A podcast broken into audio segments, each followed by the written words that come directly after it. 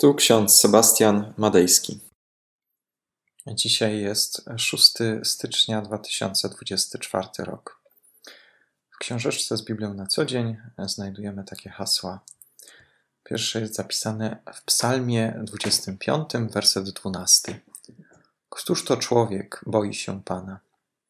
Uczy go, jaką wybrać drogę oraz Ewangelia Mateusza, drugi rozdział, dwunasty werset. Mędrcy, ostrzeżeni we śnie, by nie wracali do Heroda, inną drogą powrócili do ziemi swojej. Drodzy, dzisiaj obchodzi Kościół święto Epifanii, święto objawienia. Jest to święto zwane też w tradycji chrześcijańskiej świętem Trzech Króli, ale w Kościele ewangelickim nazywamy je świętem Epifanii, od greckiego słowa epifanein, czyli objawiać się. Dlatego nazywamy to też świętem objawienia pańskiego, ze względu na to, że Chrystus objawił się światu, przyszedł na świat, aby świat zbawić. W kontekście tego święta ważne są słowa matki, matki Ewy, które znajdujemy również w książeczce z Biblią na co dzień, a brzmią one: Wszędzie, gdzie dokonuje się dobrowolne, szczere i prawdziwe oddanie swego życia na własność Panu, gdzie przyjmuje się Jego wolę ze swoją własną, następuje nadzwyczajna przemiana życia. Ból ustępuje radości, strata okazuje się zyskiem. Dzisiaj Kościół obchodzi święto Epifanii, święto objawienia Pańskiego. Jednocześnie znajdujemy w książeczce z Biblią na co dzień bardzo piękne słowa matki Ewy z Miechowic. Wszędzie, gdzie dokonuje się dobrowolne, szczere i prawdziwe oddanie swego życia na własność Panu, gdzie przyjmuje się Jego wolę za swoją własną, następuje nadzwyczajna przemiana życia. Ból ustępuje radości, strata okazuje się zyskiem. I te słowa w wspaniały sposób korespondują z dzisiejszym świętem. Ewa von Thiele-Winkler pochodziła z zamożnej rodziny arystokratycznej, z rodu przemysłowców Thiele-Winkler.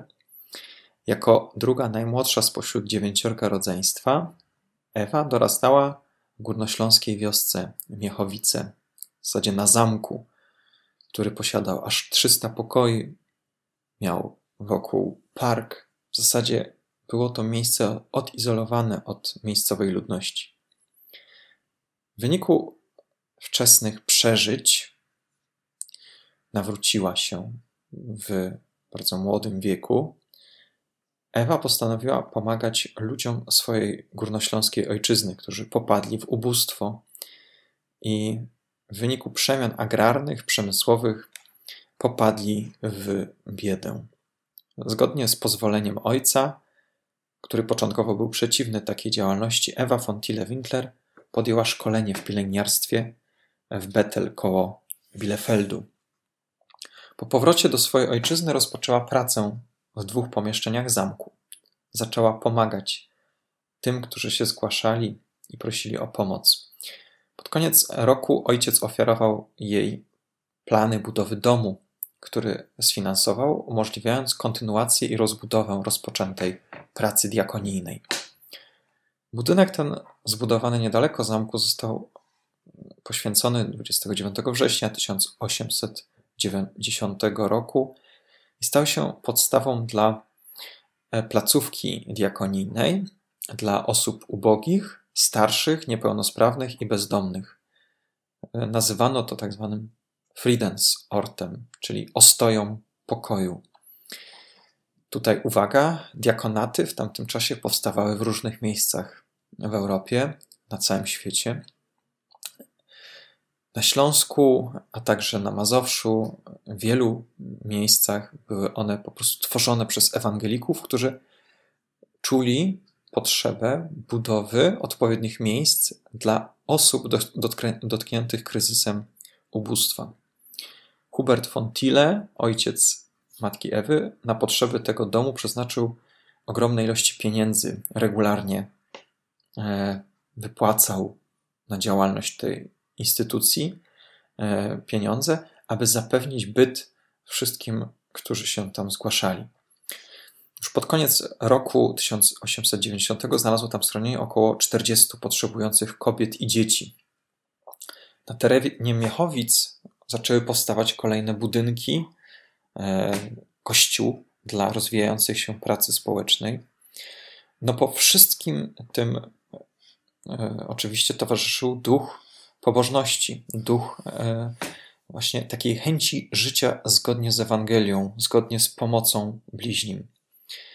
Matka Ewa przy wsparciu swojego mentora, pastora Friedricha von Bodelschwinga, założyła ewangelickie zgromadzenie sióstr, w którym w zasadzie pełniła rolę przełożonej, a jednocześnie siostry wśród sióstr, praktykując e, to powołanie do życia w ubóstwie, w służbie bliźniemu jako diakonisa.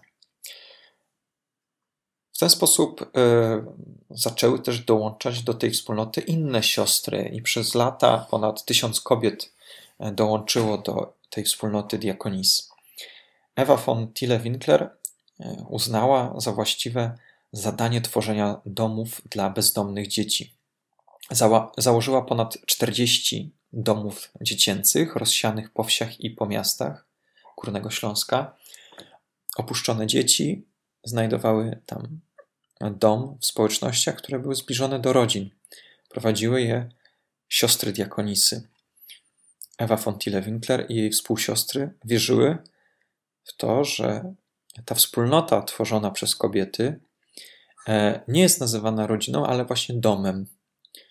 Było to przekonanie, że istota wychowania polega e, nie na tym, aby na celu mieć głównie jakieś działania e, naukowe czy e, wychowawcze, pedagogiczne.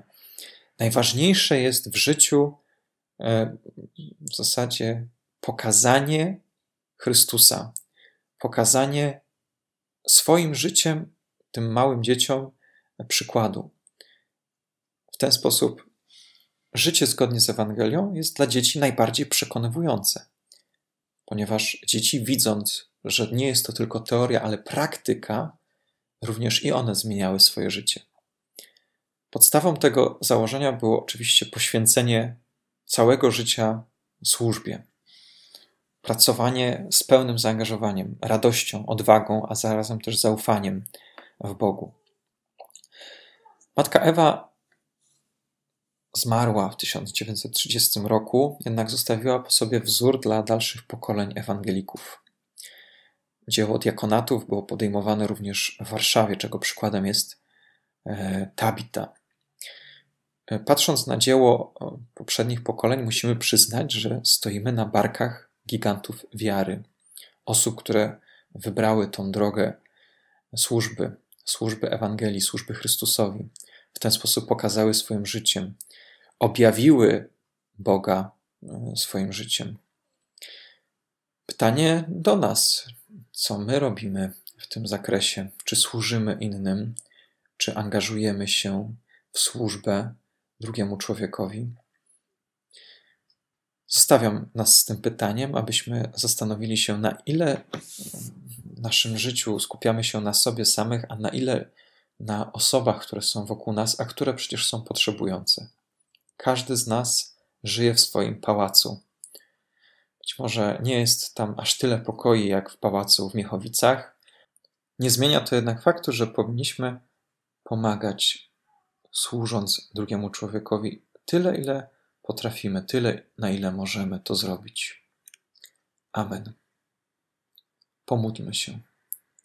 Wszechmogący, miłosierny Boże, dziękujemy Ci za dzisiejszy dzień, że dożyliśmy Święta Epifanii w 2024 roku.